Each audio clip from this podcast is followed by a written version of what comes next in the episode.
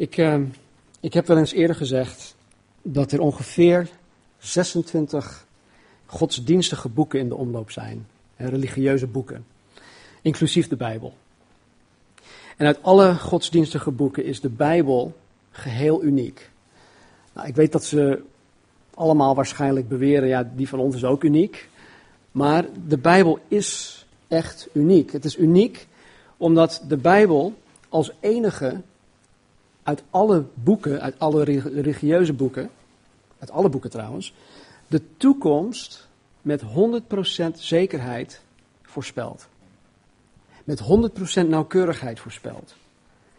En slechts één voorbeeld daarvan is dat er in het Oud Testament zo'n 300 profetieën staan in de, uh, die in de persoon Jezus Christus zijn vervuld. 300. Iets meer zelfs. Ik heb die lijst, ik heb het niet bij me, maar ik heb het thuis. Als je die lijst wil hebben, dan kan ik hem zo naar je toesturen. Dus meer dan 300 profetieën in het Oud Testament die in Jezus Christus zijn vervuld.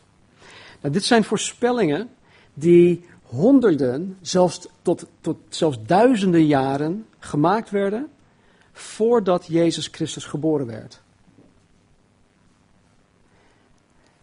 En elke voorspelling, elke profetie over Jezus Christus is met 100% nauwkeurigheid uitgekomen. Het is geen Nostradamus iets, het is ook niet uh, bel de psychic hotline, want die men, hè, hè, ik ga je toekomst uh, voorspellen. Die mensen weten niet eens wat je de afgelopen twee minuten hebt gedaan. Laat staan wat, wat je de afgelopen drie jaar gaat doen. Dus dit, dit is echt de enige, of het, ja, het enige boek die ons de toekomst voorspelt. En als deze, al deze, deze reeds met 100% nauwkeurigheid zijn uitgekomen, dan kunnen we er zeker van zijn dat de voorspellingen dat Jezus de, de kerk op zal gaan nemen, dat Jezus terug zal komen, ook zullen worden vervuld. Wij hebben die zekerheid.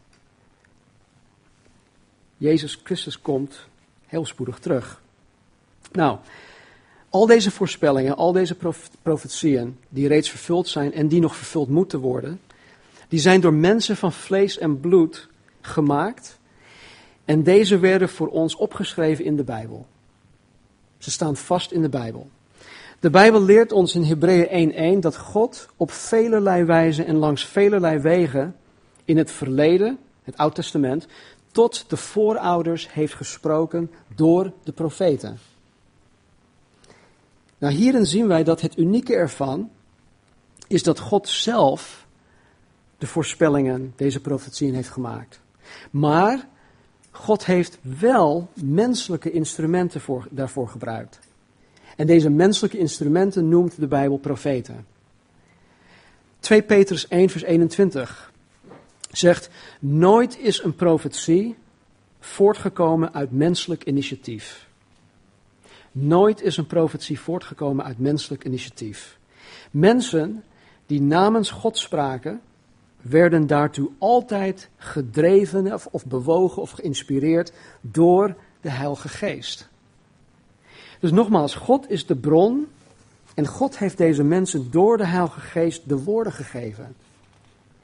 En het Oude Testament is op die manier tot ons gekomen. Het Nieuw Testament trouwens ook. Nou, we zijn de afgelopen weken langer stil blijven staan bij de negen genadegaven die wij terugvinden in 1 Korinthe hoofdstuk 12. Deze negen gaven hebben wij in drie gavengroepen ingedeeld, of althans heb ik gedaan. Eh, de openbaringsgaven, waardoor je iets door God te weten kan krijgen uh, dat je eigenlijk als mens zijde nooit had kunnen weten. Iets dat, dat niemand anders weet, iets dat niemand kan weten, maar jij weet het. Waarom? Omdat God het je ingegeven heeft. Dat, dat zijn de openbaringsgaven. God openbaart je iets. Het woord van wijsheid, het woord van kennis, onderscheiden van geesten. Dan zijn er de krachtgaven, waardoor je in staat gesteld wordt om bovennatuurlijke wonderen te verrichten. Gaven van geloof, gaven van, gaven van genezingen en het werken van wonderen en tekenen. En dan heb je de spraakgaven, waardoor je in staat gesteld wordt om, om tot God te spreken in vreemde talen of namens God te spreken. Nou, de openbaringsgaven en de krachtgaven die hebben we reeds op, zondag, op de zondagen behandeld. Ik denk een stuk of drie. Mocht je deze gemist hebben, dan kan je deze alsnog op onze website of via onze website beluisteren. Nou, vanmorgen gaan we kijken naar de spraakgaven. En we gaan inzoomen op de genadegave van profetie. Ik wilde eigenlijk ook uh, die andere twee vandaag meenemen, maar ik, uh, dat is, niet, me niet gelukt. Zo. Laten we onze Bijbels openslaan op 1 Korinthe hoofdstuk 12, vers 1.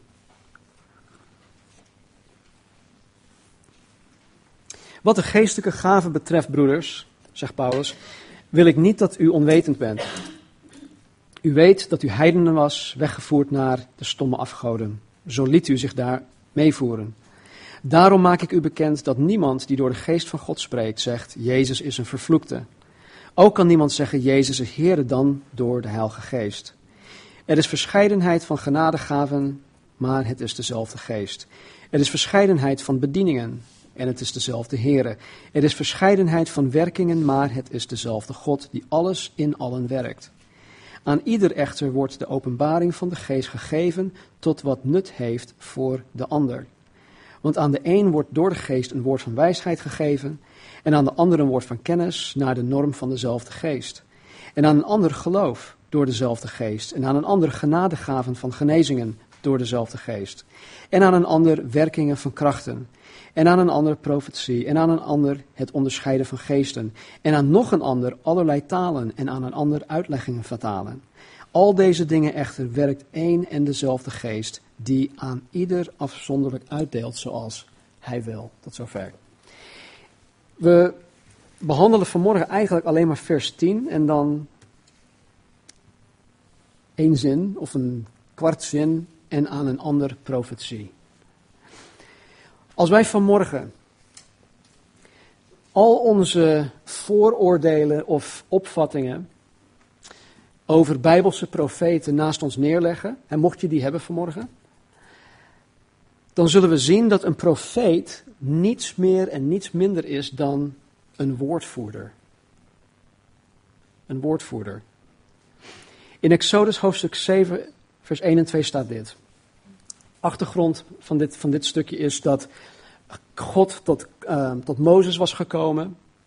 Hij had Mozes gevraagd of gezegd, ik wil dat je mijn profeet bent, ik wil dat je tot Israël gaat spreken. En, en Mozes had een hoop um, um, ja, excuses eigenlijk. Hij zei, ja, maar ik, ik, ik, kan niet spreken. We weten niet wat er met Mozes aan de hand was, waarom hij niet kon spreken. Misschien stotterde hij wel, dat weten we niet. Maar hij gaf als reden, nee, ik, ik, ik kan niet spreken. Oké, goed. Wat doet God? God roept er een ander bij. Een ander bij. En dit is, dit is wat God dan zegt tegen Mozes, terwijl, terwijl Mozes zei van nee, ik kan het niet. Dan zegt, zegt God dit. Toen zei de Heer tegen Mozes, zie, ik heb u tot een God gesteld voor de farao. En uw broer Aaron zal uw profeet zijn. U moet alles wat ik u gebieden, u moet alles wat ik u gebieden zal tegen Aaron zeggen. En Aaron, uw broer, moet tot de farao spreken, dat hij de Israëlieten uit zijn land moet laten gaan. God noemt Aaron de profeet van Mozes. Dit is uh, de eerste keer dat dit woord profeet in de Bijbel voorkomt, althans in deze, in deze context, hè, dat we een definitie eruit kunnen halen. En deze eerste vermelding van het woord geeft ons dan ook de definitie van een profeet. En dat is simpelweg dat hij een woordvoerder is. Iemand die voor een ander spreekt. Aaron sprak voor Mozes. God gaf Mozes wat hij, wat, wat hij moest doorvertellen. Nou, Mozes kon dat niet, Aaron wel, dus Aaron was de, de profeet, de woordvoerder van Mozes. Nou, een bijbelse profeet, een ware profeet, is niet zomaar een woordvoerder. Uh, hij of zij is een woordvoerder van de levende God van de Bijbel, de schepper van hemel en aarde. Hij of zij spreekt namens God. Dus het is niet zomaar een woordvoerder. En vaak denkt men dat profetie vooral te maken heeft met het voorspellen van de toekomst. Ik heb het vanmorgen genoemd, heel veel voorspellingen, maar het is niet beperkt tot alleen voorspellingen. Het is dus niet waar dat profetie alleen maar voorspellingen zijn. Eh, profetie heeft uiteraard wel een voorspellend aspect, maar de inhoud van de profetie is ook bedoeld om Gods kinderen op te bouwen. om Gods kinderen, om ons te vermanen, om ons te troosten. Ook kan profetie verborgen dingen aan het licht brengen. Dingen die mensen in hun, uh, in hun hart uh, verborgen houden. Dingen die niemand dan alleen zij en God weten. Door profetie kunnen die dingen tot het licht gebracht worden. Dat kan best wel eng zijn. Ik kan me voorstellen dat als je met iets zit en je hebt het al die tijd al jarenlang verborgen, dat ineens als iemand gaat profeteren, dat dat ineens tot het licht gebracht wordt. Maar God doet dat om, omdat Hij daarmee wil afrekenen. Hij wil, dat, hij wil het tot het licht brengen, zodat, God, zodat je daarmee klaarkomt, dat je daarvan af zal komen. Dus profetie kan, kan heel veel dingen doen. En het kan een hoop dingen duidelijk maken voor ons. Dus totdat wij volmaakt zijn in de heerlijkheid met Jezus in de hemel, is de gave van profetie voor Gods kinderen in deze tijdperk van de kerk heel erg belangrijk. De profeten die in Hebreeën 1, 1 genoemd worden, waren mensen uit het Oud Testament. Maar eh, er zijn, er zijn ook, ook Nieuw-testamentische profeten, waar, waar, ik zo meteen op terugkom. Maar goed, een aantal uh, Oud-testamentische pro profeten um, zijn deze. Mozes. Mozes was de eerste profeet. Hij was Gods woordvoerder voor het volk Israël. God sprak door Mozes heen om de Israëlieten onder andere te instrueren en te onderwijzen, vooral in de dingen van zijn wet. Koning David was een profeet. In Handelingen 2, vers 30 noemt Petrus hem een profeet. En behalve de voorspellingen, um, of de voorspellende psalmen over Jezus, spreekt veel van wat, geschreven, van wat hij geschreven heeft over God zelf. Over Gods werken, over Gods grootheid, zijn goedheid, zijn eigenschappen, zijn heil. Heel veel van Davids profetie was, was informatief. Denk even aan Elia en Elisa, die veelal de koning van Israël en de mensen waarschuwden over het aankomende oordeel van God. Denk aan de grote en de kleine profeten. Nou, dat zijn dan niet grote en kleine zoals ik. Ik ben dan, nee. Denk even aan de grote profeten, uh, Elia, nee sorry, Jesaja, um, Ezekiel, Jeremia en de kleine profeet. En Daniel is ook een grote profeet. De kleine profeten zijn al die moeilijke namen aan het eind van het Oude Testament. En dat zijn dan, ze noemen dan, dan de klein, omdat het, ja, ze hebben een kleiner aandeel in, in het geheel. Maar goed, dat is maar een benoeming. Dat heeft de mens gedaan. In Gods ogen zijn ze allemaal groot, maar goed. Um, maar denk aan, aan deze grote en kleine profeten. Over het algemeen hadden deze profeten de taak om de Israëlieten op te roepen op te roepen om weer terug te keren naar God. Want bij Israël was het, net, was het zo dat met Israël ging het, ging het even goed. En binnen no time keerden ze zich weer, keerden ze zich weer terug en, en, en gingen de wereld weer in. En ze hielden zich met allerlei onheil bezig, waardoor ze weer teruggeroepen moesten worden. En daartoe dienden deze grote en kleine profeten. Deze profeten hadden ook de omliggende naties veroordeeld hè, vanwege hun slechte daden. Nou, veel van wat er in het Oud Testament is geprofeteerd is reeds met 100% nauwkeurigheid uitgekomen. Maar een deel daarvan, een deel daarvan moet nog worden vervuld. En dat maakt onze tijd, de tijd waarin wij leven, heel erg spannend. De dingen die nog staan te gebeuren, kunnen in ons leven vervuld worden. Er zijn mensen die zich hier echt, gewoon echt mee bezighouden, die, die een, een, een bediening hebben, die zich echt bezighouden met bijbelse profetie. En die kunnen letterlijk dingen vanuit uh, uit Ezekiel, ik noem maar wat, uh, nemen en, en het naast de krantenkoppen leggen en zeggen van joh, dit kan, dit kan best wel dat zijn. Heel veel is speculatie, hè, dat, dat gis, giswerk, ja.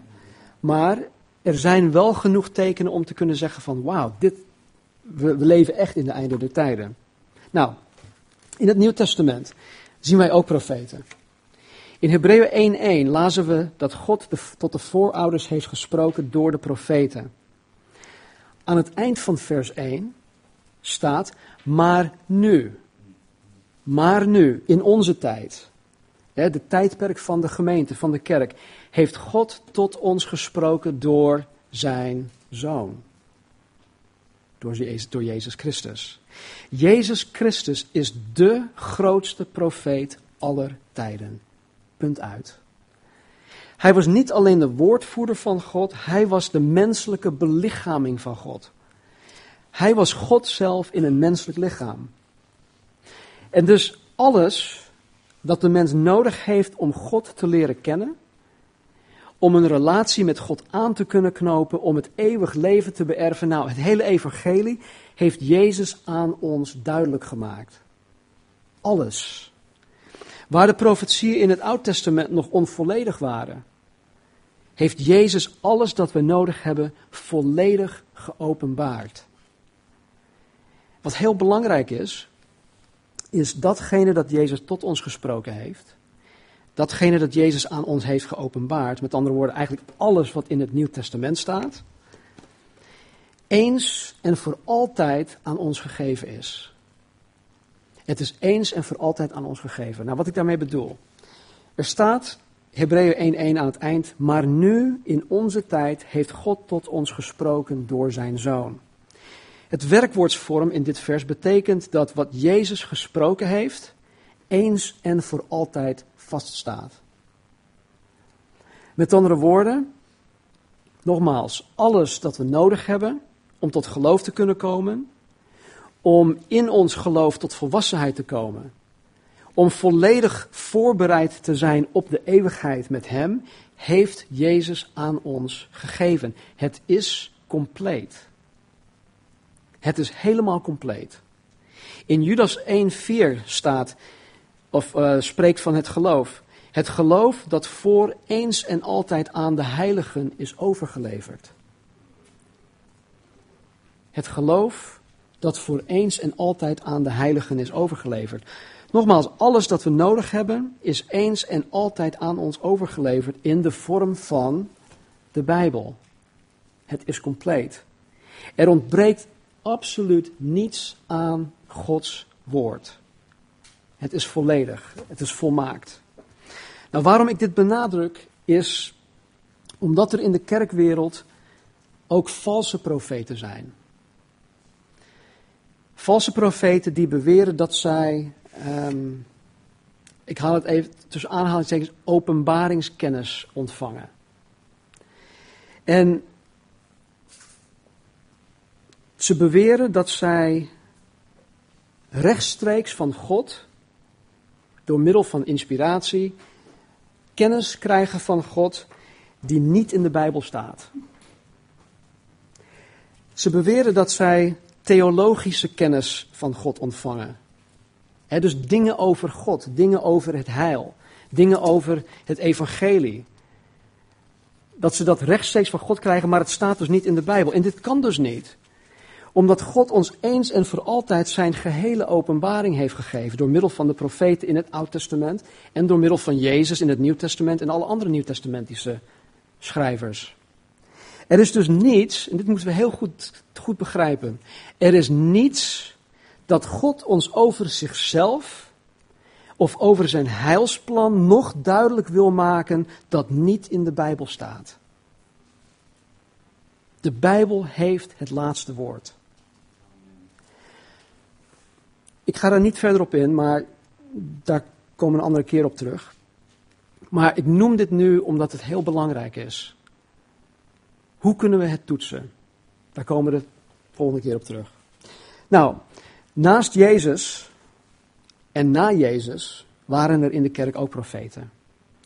Efezus 4:11 zegt Paulus: En Jezus heeft sommigen gegeven als apostelen, anderen als profeten, weer anderen als evangelisten en nog weer anderen als herders, leraars. Nou, om even een paar voorbeelden te noemen in het Nieuw Testament. Uh, Handelingen 11, vers 27 en 28.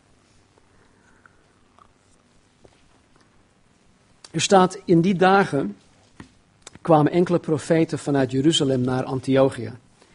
En een van hen, van wie de naam Agabus was, stond op en gaf door de geest te kennen dat er een grote hongersnood zou zijn over de hele wereld.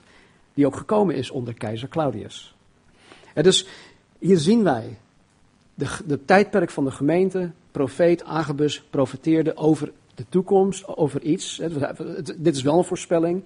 En dan staat er ook gelijk, die ook gekomen is onder keizer Claudius. Het is ook uitgekomen. Even verder, hoofdstuk 21, vers 10 en 11. Er staat, en toen wij daar vele dagen bleven, in Caesarea was dat, kwam er een zekere profeet uit Judea, van wie de naam Agabus was, dezelfde. En hij kwam naar ons toe, pakte de gordel van Paulus en nadat hij zijn eigen handen en voeten daarmee gebonden had, zei hij, dit zegt de Heilige Geest, de man van wie deze gordel is, zullen de Joden op deze manier in Jeruzalem binden en in de handen van de heidenen overleveren. Dus Agabus die, die, die, die, die sprak niet alleen iets uit, hij was ook heel demonstratief. Hij pakte de gordel van Paulus, hij had zichzelf helemaal vastgebonden. Hij zegt, dit gaat er met de man gebeuren van wie deze gordel is. En hij had het over Paulus. En dat is ook gebeurd. Paulus ging naar Jeruzalem en hij werd daar gearresteerd. Dus weer uitgekomen. In Handelingen 13 staat er, en er waren in Antiochië, in de gemeente al daar, enkele profeten en leraars. Handelingen 15, 32. Judas nu en Silas, die ook zelf profeten waren, bemoedigden de broeders met veel woorden en sterkten hen.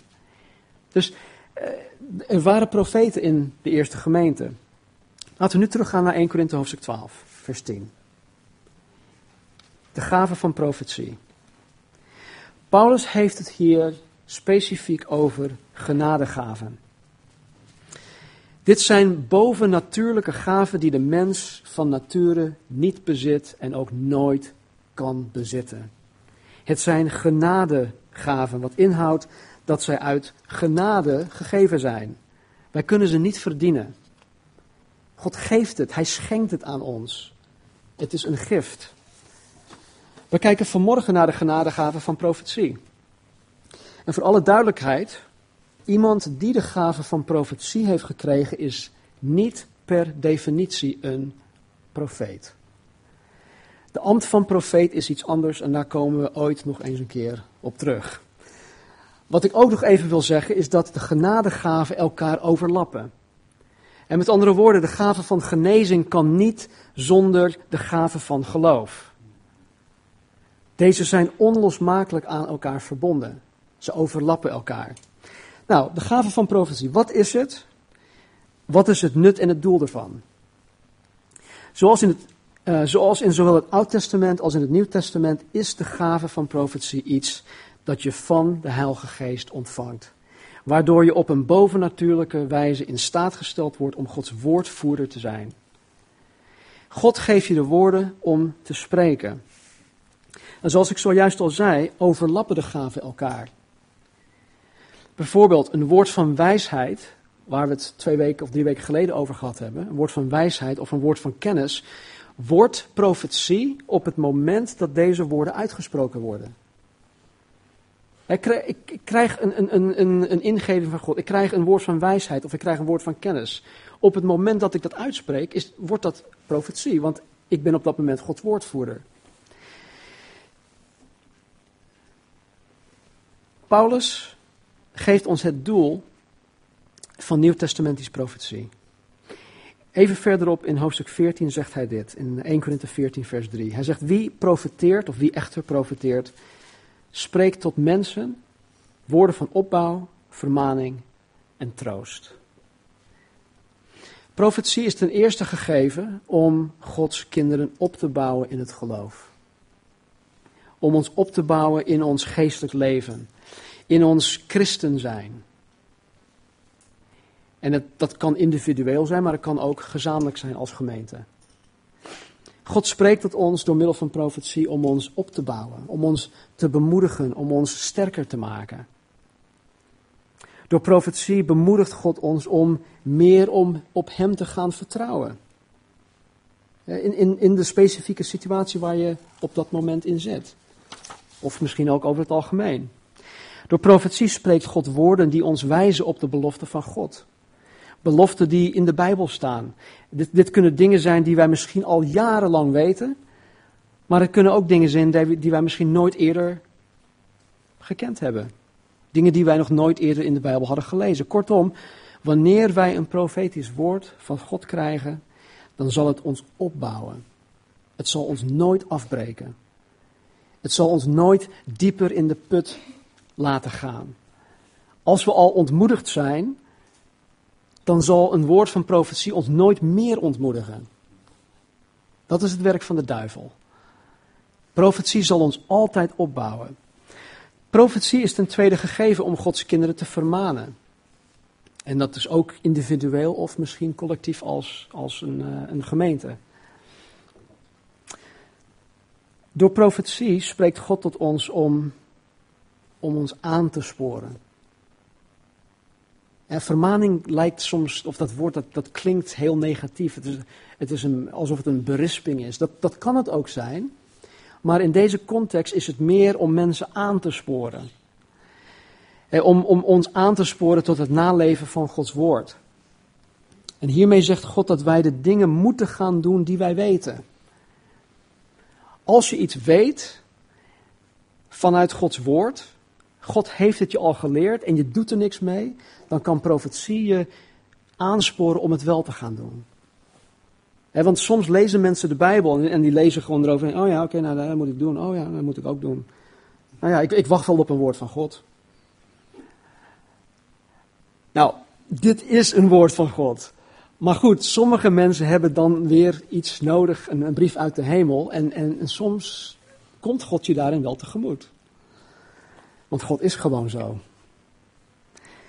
Maar Gods woord eh, vermaant ons, of de profetie vermaant ons. En hiermee wil God, uh, dat, hij wil ons daarmee aansporen om, om dingen te doen die wij reeds weten. Dingen die wij reeds hebben geleerd. Door profetie worden we aangespoord om onder andere meer te gaan bidden of om God te aanbidden. Om te gaan dienen in de kerk, om dingen in zijn naam te gaan doen waarvan we weten dat deze dingen gedaan moeten worden, maar dat wij deze dingen nalaten. Kortom, profetie kan ons vaak het duwtje in de rug geven die wij nodig hebben. Profetie is ook gegeven om Gods kinderen te troosten. En ook dit geldt voor zowel de individu als, individu als de hele gemeente. Door profetie herinnert God ons eraan dat Hij de Heer is. Dat Hij op de troon zit, dat Hij over ons waakt, dat Hij alles onder controle heeft. God herinnert ons eraan dat Hij onvoorwaardelijk van ons houdt. Dat Zijn genade vele malen groter is dan welke zonde dan ook die je ooit kan begaan. Door profetie herinnert God ons eraan dat Hij ons nooit zal verlaten. Dat Hij precies weet wat er in ons omgaat.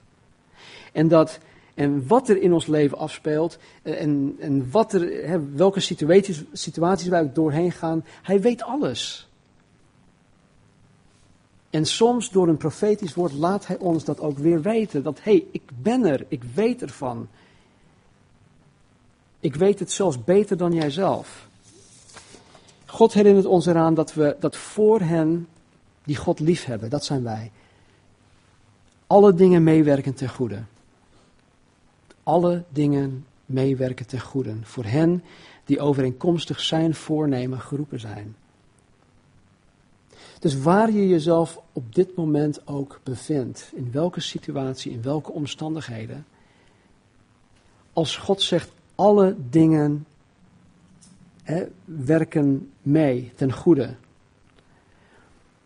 Dat betekent heel eenvoudig gezegd alle dingen. Ook lijkt het heel erg moeilijk op dit moment. Ook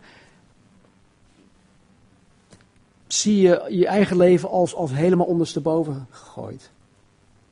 Ook dat werkt mede ten goede. Nou, tot slot. De gave van profetie is zoals alle andere genadegaven iets dat ons gegeven wordt op het moment dat het nodig is. En God, de Heilige Geest, bepaalt dat. Hij bepaalt dat. Hij die alwetend is, weet precies wanneer een profetisch woord van toepassing is. En dit kan zijn in individuele gesprekken die wij met mensen hebben. Het kan zijn in een kerkelijke samenkomst. Het kan overal gebeuren. Wanneer en waar het nodig is. Nou, omdat wij het zelf niet bepalen, omdat wij zelf niet bepalen wanneer wij een profetisch woord krijgen, is het belangrijk om als gemeente van situaties gebruik te gaan maken om God de gelegenheid te geven om ons een profetisch woord te geven. Een van de dingen die ik echt op mijn hart heb, is dat wij in onze doordeweekse samenkomst, eh, op een donderdag, of dat we een donderdag in de maand of whatever, dat, daar, zover ben ik nog niet gekomen. Maar dat we een avond apart zetten om gewoon te wachten op de Heren. Nou, hoe ziet dat eruit? Wat is dat, wachten op de Heren?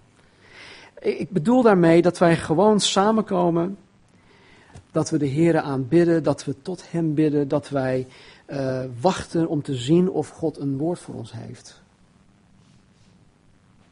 En het kan zijn dat wij daar in alle stilte gewoon zitten voor een half uur. En dat is prima. Het kan ook zijn dat God uh, een woord vanuit de Bijbel op zijn of haar hart krijgt en die dat dan met ons deelt. En het kan gewoon zijn iets dat ons bemoedigt. Het kan, zijn, het kan iets zijn dat ons opbouwt, dat ons vermaant, dat ons troost. Het is niet eng, het hoeft ook niet eng te zijn.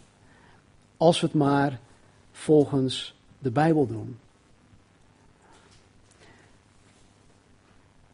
Nou, de reden waarom wij dit tot heden nog niet hebben gedaan, is omdat wij, of althans niet officieel, het gebeurt wel, maar niet officieel. De reden waarom wij dit dus tot, tot, tot heden nog niet officieel hebben gedaan, is omdat, als wij, omdat wij als gemeente hierin nog niet samen, hè, gezamenlijk in geïnstrueerd zijn. Het is belangrijk voor mij, maar het is, ik denk ook voor de hele gemeente, dat, dat al onze neuzen in dezelfde richting staan. En als ik zo in de zaal kijk, dan, dan, dan zie ik dat er veel verschillende mensen zijn van verschillende achtergronden. Uh, en um, dat is goed, dat is juist goed. Hè? De, de, de veelzijdigheid van de gemeente, dat is heel goed. Maar als het op deze dingen neerkomt, dan moeten we wel zeker van elkaar weten dat we allemaal hetzelfde bedoelen. We zijn een gemeleerde groep. En het is gewoon belangrijk dat we samen weten hoe wij dit moeten gaan doen. Nou, ik geloof dat God ons profetische woorden geeft, of ook geeft tijdens de preek. De gehele Bijbel, de gehele Bijbel, is sowieso door de Heilige Geest geïnspireerd. Dus technisch gezien, wanneer ik het woord van God open, dan spreekt God tot ons. Ik ben op zo'n moment zijn woordvoerder. Daarnaast krijg ik vaak een ingeving dat niet eens op een notitie staat. En ik geloof dat ook dat een woord van profetie is.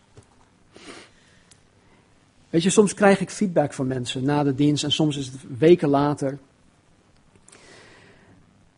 En dan zeggen ze dat, dat, dat, dat, uh, dat iets hun echt heeft uh, aangesproken. En dan probeer ik terug te halen van, wat had ik dan gezegd? En dan zeggen ze, ja, je hebt dit, dit, dat gezegd. En dan kan ik me niet eens herinneren dat ik dat gezegd heb. Echt niet. En het is niet omdat ik aan het dementeren ben of zo, maar sommige. dat denk ik. Maar er zijn gewoon dingen die, die ik heb gezegd. Nou, sterker nog, om, om nog een voorbeeld te geven. Soms, en dat doe ik niet vaak hoor, maar soms gewoon om, om, om iets te, te leren, om een lering eruit te halen, beluister ik mijn eigen preken. En dan hoor ik mezelf bepaalde dingen zeggen waarvan ik denk, hè? Heb ik dat gezegd? Waar heb ik dat nou vandaan gehaald? En dan, dan herinner ik me, me echt niet meer. En ik geloof dat dat gewoon dingen zijn die je op dat moment gegeven wordt en, en, en God spreekt. Nou goed, God wil elke dag tot ons spreken. En hij doet dat primair door zijn woord, de Bijbel. Hij doet dat door de Bijbel.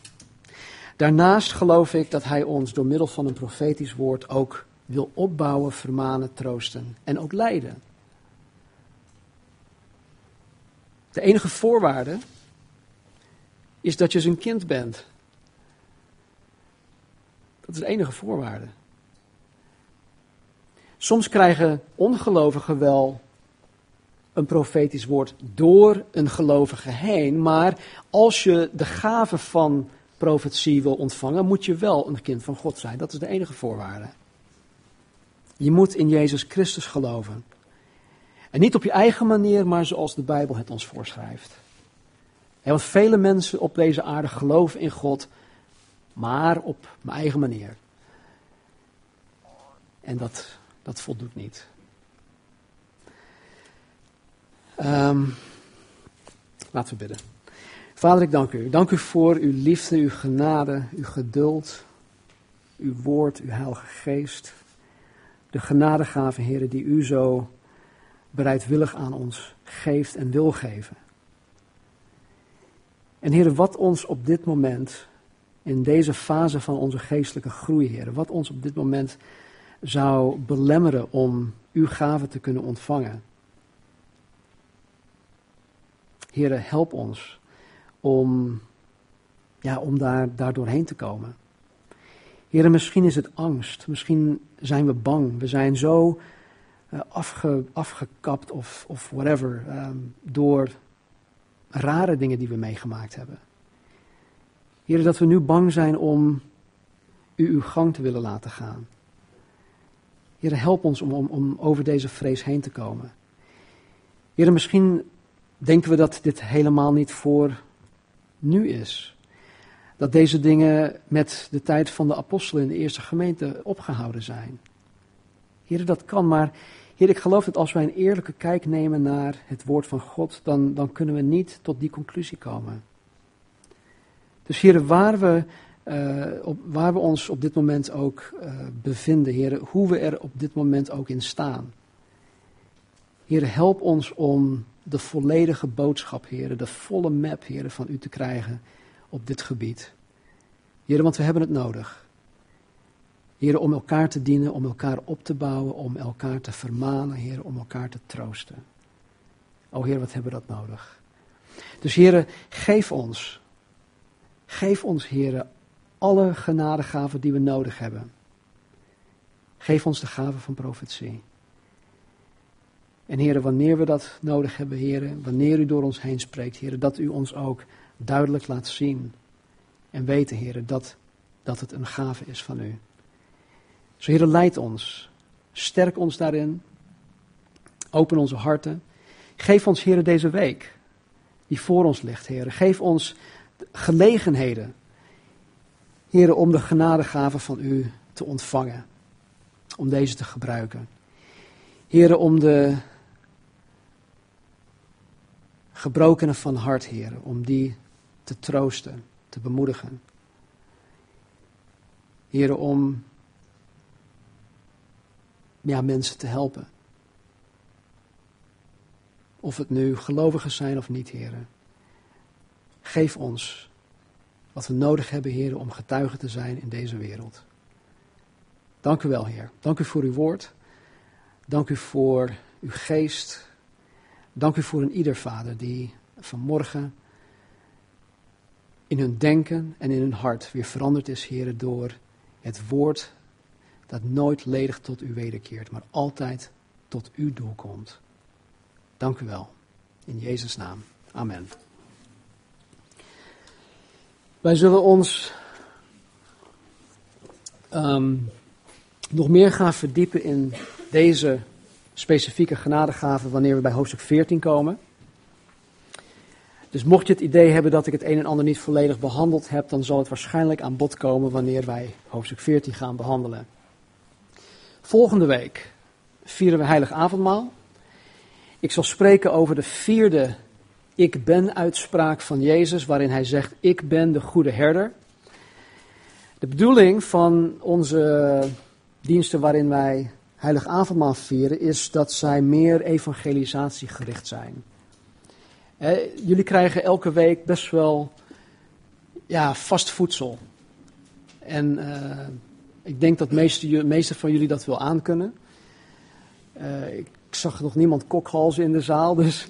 Uh, maar we willen ook natuurlijk de gelegenheid bieden om, om mensen uit te nodigen om ehm, ook gewoon het, of gewoon, oh, sorry, om het evangelie mee te krijgen. En eh, die diensten zijn dan bij uitstek de dienst om mensen voor uit te nodigen. Nou, laten we gaan staan.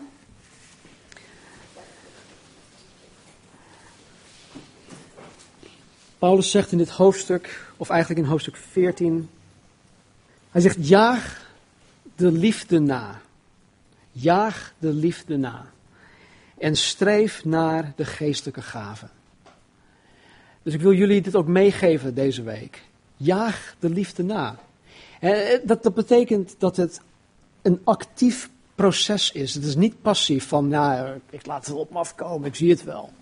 Nee, jaag het na.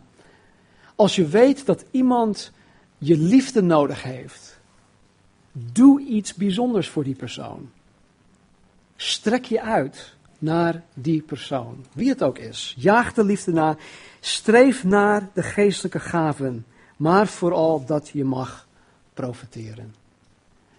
Dus ga met die gedachte zometeen ook naar huis. Wees erin gezegend. Vraag het aan God. Hij zal het geven. Gegarandeerd. God zegen jullie. Amen.